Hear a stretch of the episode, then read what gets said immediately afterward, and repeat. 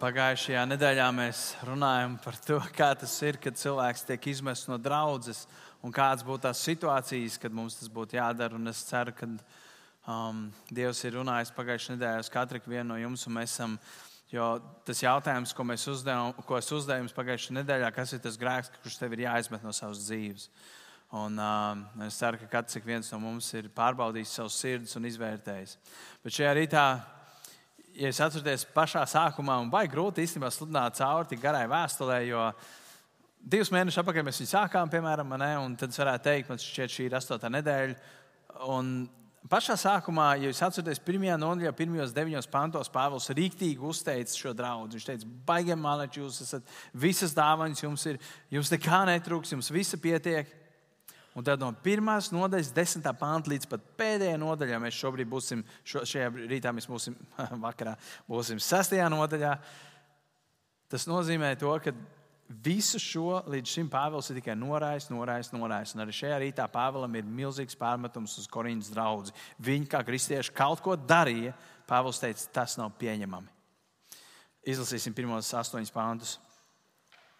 Pāvils saka, ja jums, tas ir konteksts, ir viss, kas notiek draudzē. Ja jums citam par citu ir kāda sūdzība, vai tad ir jāgriežas pie netaisno tiesas un ne pie svēto tiesas? Ja vai jūs nezināt, ka svētie tiesās pasauli? Ja tad nu jūs esat pasaules tiesneši, vai tad jūs nebūtu cienīgi iztiesāt vismazākās lietas, vai nezināt, ka mēs tiesāsim eņģeļus? Kādēļ tad mēs gan nevarētu iztiesāt laicīgās lietas? Ja jums ir sūdzības par laicīgām lietām, vai tad jūs ieceļat tādus par tiesnešiem, kas nav cienīti draudzē? To es jums saku par apkaunošanu. Vai tad jūsu vidū nebūtu neviena prātīga vīra, kas brāļu starpā varētu tiesu spriest? Bet ko jūs darat? Brālis iet tiesāties ar brāli, un tad vēl pie neticīgajiem. Jau tā nav laba lieta, ka jūsu starpā vispār tiesājas. Kādēļ jūs labāk nepaciešat netaisnību? Kādēļ jūs labāk, labāk nepanesat pārestību? Bet jūs darat netaisnību un pārestību, un to vēl brāļiem. Pirmā lieta, par ko es gribu runāt šajā vakarā, nes to draudzes priekšā, nevis tiesas priekšā. Nes to draudzes priekšā, nevis tiesas priekšā. Un es domāju, vispār mēs kā sabiedrība esam Ir daži cilvēki, kuriem saka, tā draudzene ir mans otrās mājas, tas ir tas, kurš jūtos. Bet nerad man ir sajūta, ka draudzene ir kaut kas, ko mēs pieliekam klāt, tā kā tāda ķēdīta ar krustiņu svētdienā vai citā dienā. Bet pārējās lietās draudzes īstenībā mums nav aktuāli. Mēs varam atrast uh, neticīgus cilvēkus, mēs varam atrast tiesu, mēs varam iet un dabūt savu taisnību. Bet tas pirmais punkts, par ko es gribu runāt, nes to draudzes priekšā, nevis tiesas priekšā.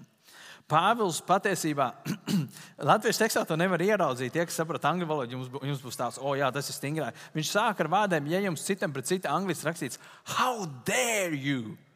Kā tu uzdrošinies? Kā tu vispār uzdrošinies?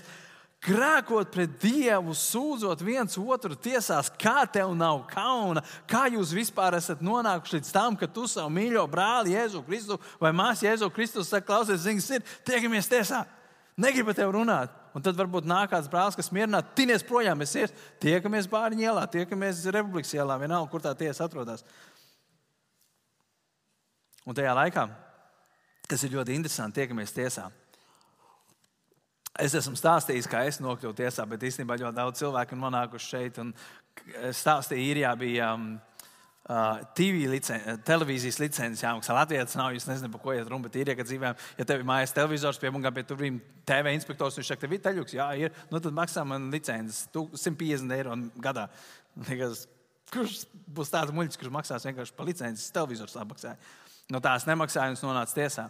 Bet tad, kad es nonācu tiesā, man aiz bija nobijies un vispārējais neiešu detaļās. Vienkārši pats fakts, tur bija vēl vesela čupa tādiem kā es. Es biju domājis, tur būs prokurors, tur būs tiesnesis, un tad es tur stāvēšu, man izsauks priekšā. Bet tā arī bija, bet, un tad tur pārējie tādi paši, tā kā es stāvu un skatās. Ne? Neiešu detaļās, bet tiesa nereti notiek publiski. Tad, kad bija Korīnas laikā tika rakstīts, jūs sūdzat to tiesā, parasti tiesa notika pilsētas laukumā, rožu laukumā. Re, tur izcēlās tas viens pazīstamais čomaks, jāiet skatīties, ko viņš tur tiesājās. Vai tas notika pilsētas vārtos? Tas bija tas, kā tajos laikos pilsētas vārtos vīri stāvēja un klausījās, vīri stāvēja un runājās, vīri stāvēja un sprieda tiesu pilsētas vārtos. Citiem vārdiem sakot, tiesa tajā laikā notika publiski. Un arī šobrīd, šodien, mūsdienu laikā, nereti tas notiek. Bet ko es par to domāju? Pāvils saka, kā jūs uzdrošināties viens otru tiesāties? Un es, es padomāju, bija pat citi aspekti, kas notiek mūsdienās. Mēs aiziesim atpakaļ līdz tam, kā mēs tiesājamies, un, un, un vai mēs to darām, vai mēs to nedarām. Bet es domāju par vienu publisku veidu, kā mēs viens otru tiesājam. Un patiesībā šis ir ārkārtīgi Es pat nezinu, kā to Latvijas, kā, kā to, kas tas par laiku, kādā mēs dzīvojam, bet viņš ir tik saspringts, tik nospiests laiks, kurā mēs dzīvojam, jo paņemsim vakcināciju. Vienu pār vienu pret. Un, ziniet, es runāju ar mūsu sadraudzības draugu Amerikā. Viņi, viņi, viņi svinēja, viņiem ir kaut kādi 24 gadi, viņiem būs. Man šķiet, viņi ir 20 gadus mums priekšā. Ļoti draudzīga draudzene, pie tūkstošiem cilvēkiem vecā gājuma cilvēki lielākoties ļoti draudzīgi, draugi. Vienkārši tiešām visi tā kā vienā garā. Bet viņi teica, tā kā draudzene šodien ir sašķelta, nekad dzīvē tas tā nav bijis. Kā vārdā, vakcinācijas vārdā, covid vārdā. Vēl vairāk runājot ar cilvēkiem un citām draugu pārstāvjiem, es dzirdu, cik ļoti draudzes ir sašķelts. Un var nonākt brīdis, kad tu un tu nerādi uz nevienu, bet tu un tu paskatīsies viens uz otru, un tu teiksi, es neiešu tev kopā, kamēr nebūs vakcinējies, vai es neiešu tev kopā, tāpēc, ka tu esi vakcinējies. Es ļoti ceru, ka tas nekad pie mums nenotiks. Ļoti ceru. Jo, ja, ja mēs tā apakaļ. Um, Facebook, Instagram, sociālā vide, kur TV nec kaut kāds raksts. Un tas, ko es esmu redzējis, kas notiek, un man pašam vienreiz bija pieredze, un kopš tās sliktās pieredzes es vairs neiesaistos. Uh, citreiz man ir tā, pirksti deg burtiski jāpāž ūdenī, lai nerakstītu komentāru par tik stulbām lietām, liekas, es līdzi atbildēšu. Bet es vairs nerakstu pēc vienas reizes. Es neatceros, ko es vienreiz uzrakstīju. Es uzrakstīju pareizi pa tēmu. Bet tur bija viens cits kristietis, no citas draudzes kur man uzrakstīja, un es viņai teicu, ko tu lien iekšā, es neprasīju tavu padomu, mēs sākām strīdēties, un tajā brīdī es sapratu, tā ir pēdējā reize, kad es vispār iesaistīšos ar citu kristieti diskusijā, tāpēc, ka kurš beigās būs ieguvējis. Viens cilvēks, kurš Dievu nepazīst, viņš teiks, tur divi kristieši, viens otru ēd nost, tiesā viens otru. Nu, man tāds nekas nav vajadzīgs. Un, ja es domāju par to, kas šodien notiek Facebook un Instagram, nezinu, es neesmu Instagram, jūs tur strīdaties, nestrīdaties, Twitterī vai vēl tur, kur tur esat, varbūt jaunieši vai citās lapās, iekšā Snapchats vai kur. Tas ir tas, kur mēs tiesājamies. Tas ir tas, kur mēs, kristieši, izsakot savu viedokli, patiesībā varam ļoti viegli aizvainot varbūt savu brāli vai savu māsu. Un mums ir jāizvairās no šīm lietām. Bet konteksts šajā raksturvietā ir rakstīts, ka ticīgais iet pret citu ticīgo, un viņš iet pēc, pie tam vēl neticīgo tiesā. Un es gribu pateikt, protams, ka ir situācijas, kad mums būs jāiet tiesāties. Romiešos 13. nodaļā rakstīts, ka valsts uh, tiesa ir zobens, un viņai dod zobens, un tiesa tad viņa tā, kas spriež tiesu, viņai dota šī vara no Dieva. Patīk mums tā valsts vara nepatīk, bet tas tā vienkārši ir. Un viņai ir dots tā vara mums ielikt cietumā, sodīt, vai, ja mēs labi uzvedamies, mums iedod gadu liepājnieks vai godu liepājnieks un atalgo mūs par to. Bet uh, ir varbūt situācijas, man ne, piemēram, diemžēl laulības šķiršanās. Vai bērnu dalīšana, vai vardarbība ģimenē, vai vēl visādas lietas, īpašumu un tam līdzīgi, kad ir jāiesaistās un ir vajadzīga tiesas palīdzība, tāpēc ka viņi nevar tiesāties īpaši par īpašumiem. Ne? Ka tiek norakstīts kaut kāds mantojums, vai tur nomirst omīte, un ne tā sadalīja, un tad tur sāk kauties un cīnīties. Un arī tas notiek ar ticīgiem cilvēkiem. Un tāpēc dažreiz svētīgāks ir tas, kuram nekā nav. Pāvils aicina viņiem atcerēties vienu lietu. Viņš saka, pirms jūs tiesājat viens otru, lai jūs atcerieties divas lietas. Viena no lietām ir, vai jūs nezināt, ka jūs pasauli tiesāsiet? Vienalga, ko tas nozīmē. Es negāju iekšā daudz detaļās, jo tā būtu vesela tēma, ko nozīmē, ka mēs tiesāsim pasauli. Otru, ko viņš saka, jūs nezināt, ka jūs eņģeļus tiesāsiet. Citiem vārdiem sakot, ja tu tici un tu esi pestīts un esi ceļā uz debesīm, tu tiesās eņģeļus. Kritušos vai nekritušos, vienalga, es saku, neiešu detaļās, bet fakts, ka mēs tiesāsim pasauli un fakts, ka mēs tiesāsim eņģeļus, tas tur ir. Viņš saka, un ja jūs tiesāsiet pasauli, un ja jūs tiesāsiet eņģeļus, tad kā tas nākas, ka jūs divi, kas tiesāsiet viņus, ejat tagad pie tās neticīgās pasaules un sakat, lūdzu, izšķir mums strīdu, mēs nevaram sadalīt. Viņš man to, viņš man šito. Un tad tas neticīgais cilvēks, nu labi, brač, ko es tur nevaru izšķirt, un tad viņš tagad sāk šķirot, ne? Otrais un trešais pāns. Ja jūs nezināt, kas svētie tiesās pasauli, ja nu jūs esat pasaules tiesneši, vai tad jūs nebūtu cienīgi iztiesāt vismazākās lietas? Un, ja viņiem to nepatīk, viņš saka, vai jūs nezināt, ka jūs tiesāsiet eņģeļus? Kādēļ tad jūs nevarat iztiesāt laicīgās lietas, pasaulīgās lietas, vienalga, kas tas ir? Ja jums ir sūdzības par laicīgām lietām, vai tad jūs ieceļat par, tā, par tiesnešiem tādus, kas nav cienīti draudzē? Ar to tiek domāts, ka cilvēki, kas Dievu nepazīst. Viņš saka, vai jūs tā rīkojaties?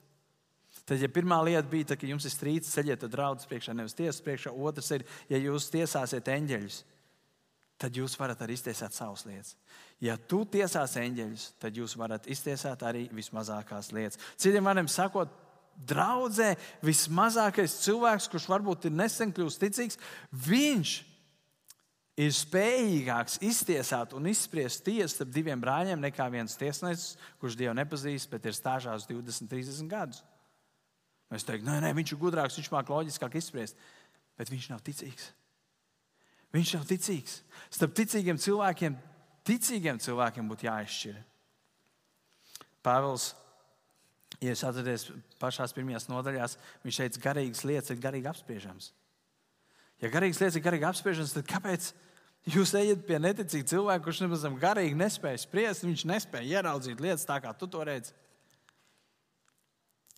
Viens no piemēriem, ko es atceros, un es par to stāstīju citā kontekstā, dažas nedēļas atpakaļ, bet bija tas, ka pie manis atnāca kādu cilvēku šeit pat no kādas draudzes, citas konfesijas liepājā. Viņi teica, to, ka mums ir uzsāktas vairākas tieslietu, eh, vairākas oh, tiesvedības. Paldies! Vairākas tiesvedības pret citu kristīgu organizāciju. Un divas kristīgas organizācijas. Viena no tām ir Dieva drauga līgā, otra ir līgavas pārstāve, nezinu, labākā māsa. Viņas cīnās, un viņas iet pie neticīgās pasaules, un tagad neticīgais tiesnesis tiesās, kurai baznīcai vai baznīcas māsai taisnība. Es varu pateikt vienu lietu, ja kāds nekad nekļūs ticīgs, tad tas būs tas tiesnesis, kurš skatīsies, ka divi ticīgi cilvēki nevar sadalīt. Tas ir nožēlojami. Tas ir apkaunojoši. Tāpēc Pāvils pašā sākumā teica, how dare you, kā jūs vispār uzdrošināties? Kuram no jums prātā ienāca kaut ko tādu darīt? Kāpēc?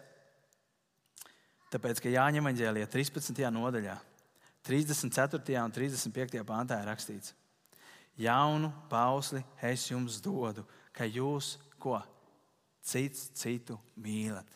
Tā kā es jūs esmu mīlējis. Ja es neteicu, jaunu balstu es jums dodu, ka jūs cits citu sūdzat tiesā, tāpat kā es jūs sūdzu tiesā. Viņš teica, tāpat kā es jūs esmu mīlējis. Lai arī jūs tāpat cits citu mīlētu, un no tām visi jūs pazīs, ka jūs esat mani mācekļi, ja jums būs mīlestība savā starpā. Jūs paraties savā starpā, sūdzaties savā starpā. Viņš saka, bet jūs tiksiet atpazīti pēc tā, ka ir mīlestība jūsu starpā, ka jūs mīlat viens otru, ka jūsu starpā ir mīlestība. Vai jūs čiliņā tiesājat viens otru? À, man te à, pēc 13 dienām jāiet tiesāties ar vienu brāli, muļķis tāds, vinnēšu viņu. Viņš saka, jums vajadzētu mīlēt vienam otru, un pēc tā jūs pazīsiet. Pēc kā nereti cilvēki tiek atpazīti, oh, tiesā tur divi kristieši ņēmās savā starpā. 5. un 6. pāns. Pāvils saka, es jums to saku par apkaunošanu. Fui! Pā! Kā jūs vispār tā uzdrošināties? Kauns! Viņš saka, vai tad jūsu vidū nebūtu neviena prātīga vīra, un acīm redzot, nebija, vai arī viņi nemeklēja viņus, kas brāļa starpā varētu tiesaspriest. Viņš saka, un jūs, brālis, iet tiesāties ar brāli, un tad vēl pie neticīgiem jūs galīgi esat palikuši. Ko jūs darat, brāļi? Viņš, atcerieties, citā vietā, ja es teicu, jūsu dēļ mans vārds tiek zemots pagānu starpā. Ticīgo dēļ Dieva vārds tiek zemots. Ne jau tāpēc, ka kristieši dzīvo baigi priekšzīmīgo dzīvi, un viņi teica, redz, kāds viņš ir malacis. Tieši otrādi, viņi dzīvo briesmīgu dzīvi, un cilvēki paskatījās uz viņiem, pateica, ja tāds ir kristietis, tad es nekādu daļu negribu ar Kristu. Tas ir tas, par ko Pāvils runā. Viņš ir kādu liecību jūs atstāsiet. Tirgus laukumā, pilsētas vārtos, tiesājieties viens ar otru. Un tas jau nebija tā, ka viņi vienkārši tāpatās. Iespējams, tur bija dūrs, un nē, viņš mēlo, tā nav taisnība. Viņi domā, ej, tu nos, nu, ir kristieši. 7. 8. pāns.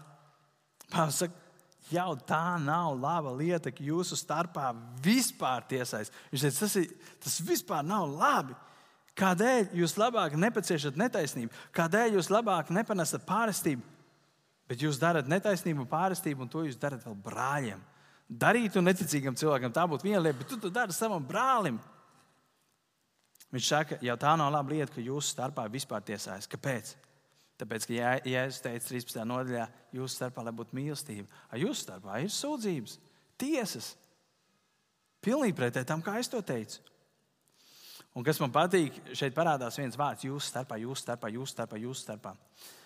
Pāvil, uh, tas ir um, Jēzus atstāja brīnišķīgu piemēru, Pāvils par šo piemēru runāja Filipiešu uh, vēstulē, 2. nodaļā, no 5. līdz 8. pantam. Viņš runā arī par jūsu starpā, un ko viņš saka. Savā starpā, tas ir starp brāļiem un māsām, tad draugi savā starpā turiet tādu pat prātu, kāds ir arī Kristu Jēzu, kas Dieva veidā būdams neturēja par laupīm līdzināties dievam.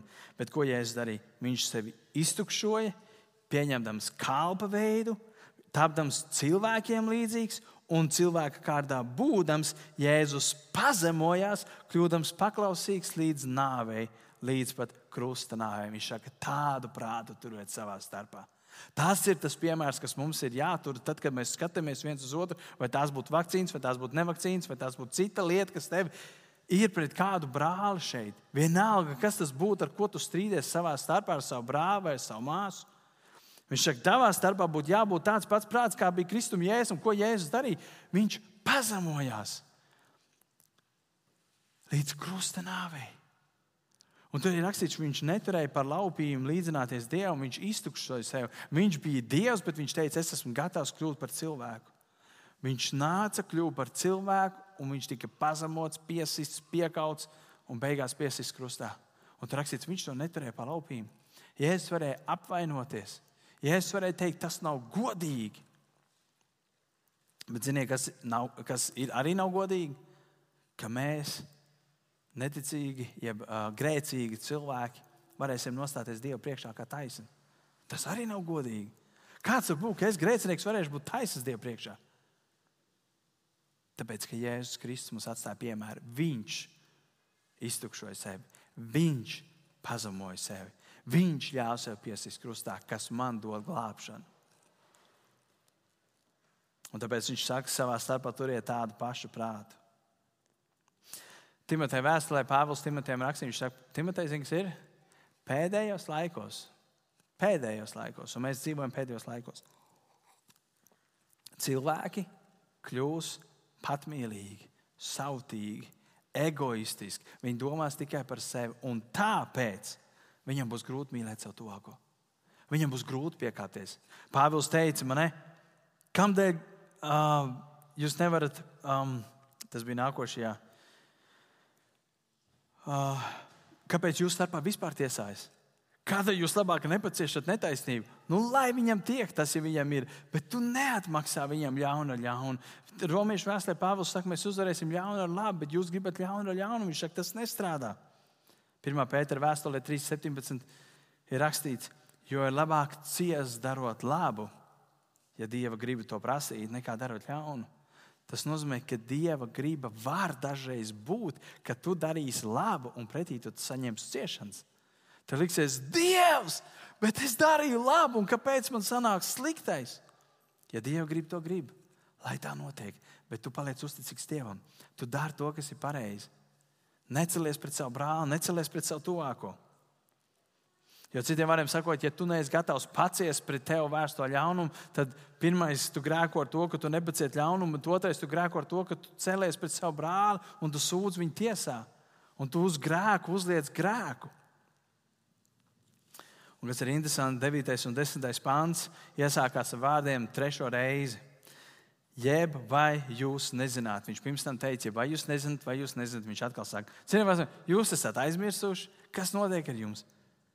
Vai jūs nezināt, ka netaisnie neiemantos Dieva valstību? Nepievilieties, ne netikli, ne elku kalpi, ne laulības pārkāpēji, ne malaki. Tas ir grieķu vārds malakas, kas nozīmē vīrietis, mauki, jeb gejs. Ne vīriešu piegulētāji, ne zāģi, ne mantrauši, ne dzērāji, ne zaimotāji, ne laupītāji. Un atkal, neiemantos Dieva valstību. Vai jūs to nezināt? Neiemantos, neiemantos Dieva valstību. Šis grēks saraksts nav domāts, un tur varbūt sēdien klausīs, oh, bet man arī vienreiz tas sanāca. Šis saraksts ir par to, ja tu dzīvo konstantu šādu dzīvesveidu, ka kāds no šiem grēkiem, netikls, elku kalps, lauvības pārkāpējs, malaks, vīriešu piegulētājs, zāģis, mantraus, dzērājs, zemotājs, laupītājs, ja tas ir tavs dzīvesveids, tad ir ļoti jāuzdod jautājums, vai tu vispār esi pestīts cilvēks, vai tu esi ceļā uz debesīm. Un 11. pāntā Pāvils atklāja tas pēdējais pāns. Viņš saka, daži no jums bija tādi. Viņš runā uz daudz. Jūs kādreiz bijāt tādi. Tu biji tāds, tāds, tāds, tāds. Viss 9, 10 pāns, jūs tādi bijāt. Tāda bija tava dzīve. Tu zini, ka tu tāds biji. Varbūt, ka šajā rītā kāds sēž un tu zini, ka tu tāds šobrīd esi. Tie, tie grēki raksturo tavu dzīvi. Nevis vienu reizi, kad tev sanāca, bet tavu dzīvi. Un tad viņš saka, bet jūs esat. Bet jūs esat nomazgāti viens, bet jūs esat svēti kļuvuši divi, un jūs esat taisnoti trīs. Kunga Jēzus Kristus vārdā un mūsu Dieva garā. Nomazgāti, darīt svēti un taisnoti. Jūs esat. Ziniet, kas notiek, ja sātanam izdodas nozagt tavu identitāti? Šodien svētdienā es esmu nosaucis identitātes zaglis. Ja sātanam izdodas nosakt tavu identitāti, bet jūs esat nomazgāts, darīts svēts un taisnots. Ja sātanam izdodas paņemt kādu no šīm lietām prom, un tu vairs neredzi sevi kā svētu, tu vairs neredzi sevi kā taisnot vai nomazgāt, tu sāc sevi redzēt kā kādu no tām īpašībām, 9. Un 10. pāntā. Un sātans atnāk un viņš pasakā, bet es zinu, ko tu vakar izdarīji. Atcerieties, ko tu aizvakar izdarīji. Tas tu esi. Un ja sātans iestāsta tev, ka tu esi tas, kas tu biji, tu sāc dzīvot tādu dzīvi, kāda tev bija pirms tam. Un sūdzēt brāli, sacelties pret savu tuvāko, liekas normāli, jo tu taču tāds esi. Bet Pāvils atgādina vienu no skaistākajiem vārdiem, un es gribu, lai šajā rītā, varbūt, ja kādam ir problēmas ar identitāti, tu nezini, kas tu esi. Pāvils atgādina, bet jūs esat, un lai to personalizētu uz tevi, es varētu teikt tā, bet tu esi nomazgāts, darīts svēts un taisnots. Un kopā patiesībā šajos 11 pantos Pāvils iedod piecas lietas, kas mēs esam. Pirmā bija viņš teica, bet jūs esat pasaules tiesneši. Otrā viņš teica, jūs būsiet eņģeļu tiesneši. Trešā lieta viņš saka, jūs esat nomazgāti, darīt svēti un taisnoti. Piecas lietas, kas mēs esam. Jā, jūs bijāt tādi, tu biji tāds. Tāpēc 2. korintiešiem 5, 17 rakstīts, kas ir Jēzu Kristu, tas ir jauns radījums, kas bijis, tas ir pagājis. Jā, tā bija. Un dažreiz mums nav jākaunās no tā, kāda mēs bijām. Jā, man ir kauns, ka es rīkojos tā, jā, man ir kauns, ka es biju tāds, es būtu gribējis, ka es tāds nebūtu. Bet paldies Dievam, ka es esmu, kas es esmu no Dieva žēlstības. Tas tas, ko Pāvils teica. Es esmu, kas es esmu. Jā, es biju tāds, jā, es biju varmāk, jā, es biju draugs vajātais, jā, es biju pelnījis nezinu ko. Bet es esmu, kas es esmu no Dieva žēlstības. Tu esi, kas tu esi no Dieva žēlstības un neļaus sātanam iestāstīt, ka tu esi dzērājs, ka tu esi lauvas pārkāpējs, ka tu esi vēl nezinu kas, ja tu tas vairs neesi. Bet varbūt kāds ir, un tev ir jānožēlo. Tas, par ko Dārvids teica, jānožēlo. Jānožēlo un jāatgriežas pie Dieva. Nomazgāti, tas nozīmē nomazgāts, pilnīgi darīts tīvs, svēts kļuvis Mateja Vāģēlijā 5,48 rakstīts, esiet svēti, kā jūs debes tēvs ir svēts. Jeb esiet pilnīgi, kā jūs debes tēvs ir pilnīgs. Un angļu tekstā rakstīts, esiet perfekti, kā jūs debes tēvs ir perfekts. Tas ir tas, kas mēs esam. Un svēts nozīmē nošķirts dievam. Un taisnots nozīmē, ka tu esi atbrīvots. Tas nozīmē, ka tu varēsi nostāties Dievu priekšā kā taisns, nevainīgs, ka tu biji atzīts par taisnu. Tāpēc tu varēsi spriest par pasauli un tu varēsi tiesāt eņģeļus.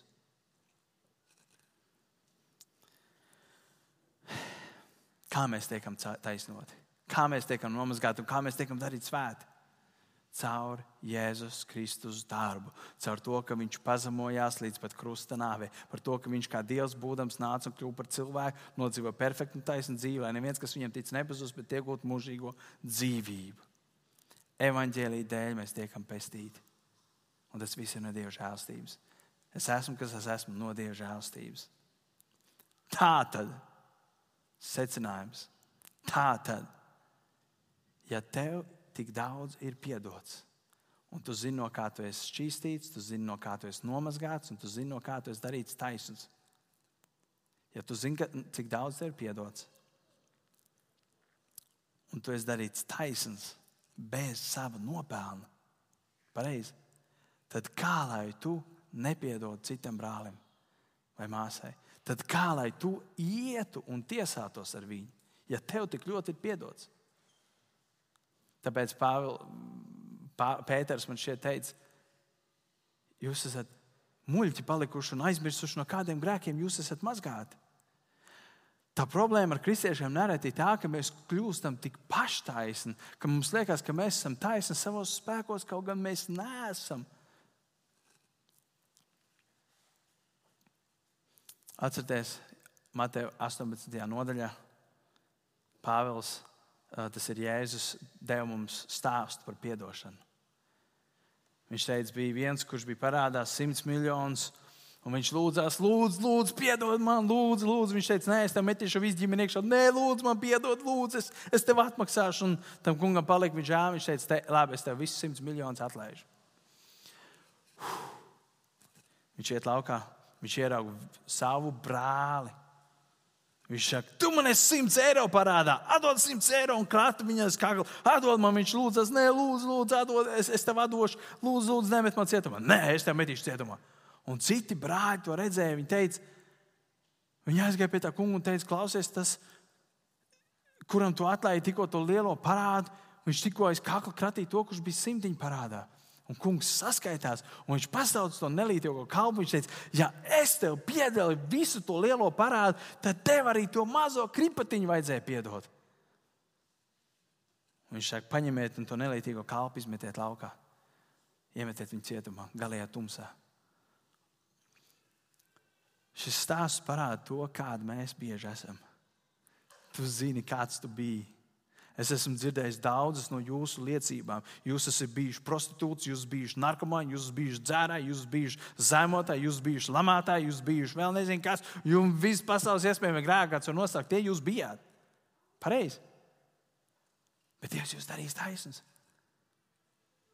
Jūs esat balti, tā kā balta lapa, jūs esat šķīstīti, taisnot un nomazgāti. Un tagad tu grib pacelties augstāk par suvāko, savu tuvāko brāli un iet ar viņu tiesāties? Pāvils teica, kā jūs vispār uzdrošināties? Mēs uzdrošināmies, tāpēc ka mēs esam paštaisni. Bet, ja mēs ieraudzītu, ka es esmu, kas es esmu no Dieva žēlstības, es nekad nevarētu aiziet pie otra cilvēka un pateikt to, par ko Pāvils runā. Pāvils saka, tad, kad tu zini, kas tu esi, kad tu esi svēts, kad tu esi mazgāts, kad tu esi taisnots, tad tu zini, kā rīkoties. Bet, ja sātanam izdodas nozagt tavu identitāti, tad mēs sākam rīkoties attiecīgi, kā rīkojas korintieši. Tāpēc Pāvils viņiem atgādināja, jūs tādi bijāt, tu tāds biji, tu tāds biji, tu tāds biji, tu tāds biji, tu tāds biji, tu tāds biji. Bet tā ir pagātne. Tas ir pagājis. Jūs vairs tādi nesat. Tev vairs tā nav jārīkojas jūs esat darīti svēti. Viss ir tapis jauns. Un mans aicinājums šajā rītā priekš katra viena no jums ir, lai mēs dzīvotu ar jaunu identitāti. Un es domāju, es nekad dzīvē iespējams neizvēlētos sludināt par šādu tēmu, par tuvākā tiesāšanu, jo es personīgi neredzu, ka tā būtu milzīga problēma. Es neesmu redzējis, ka Linda ar Kristīnu sēž atsevišķi, tāpēc ka viņas sastrīdējušās. Tā nav. Es neesmu redzējis, ka viņas strīdētos savā starpā. Bet, ziniet, varbūt tās, kad mēnesis no šodienas tev būs situācija kur tu būsi pat izvēles priekšā, kā man rīkoties. Un es gribu, lai tu rīkojies nevis izjūt no savas miesas, bet lai tu atceries, kas tu esi. Tu esi taisnots, tu esi šķīstīts un tu esi darīts, tu esi nomazgāts. Dzīvo ar savu jauno identitāti, nevis pēc tā, kāds tu biji un tad mēs spēsim piedot un pieņemt viens otru. Mēs nekad netiesāsim viens otru. Un pieminēšu pašā beigās, ja tas aizies līdz pat tām vakcīnām un nevakcīnām, mēs netiesāsim viens otru. Mēs mīlēsim viens otru, tāpēc ka mēs esam viena ģimene un mēs visi būsim kopā debesīs pie viena dieva. Vakcinēti, nevakcinēti, melni, balti, esmu tievs, sievietes, vīrieši. Visi mēs būsim pie dieva. Neatkarīgi no tā, Pāvils teica, jūsu starpā, lai būtu mīlestība. Es to teicu, mīlestība dzīvosim brāļi un māsas ar mīlestību savā starpā, netiesāsim viens otru un vēl pasaules priekšā.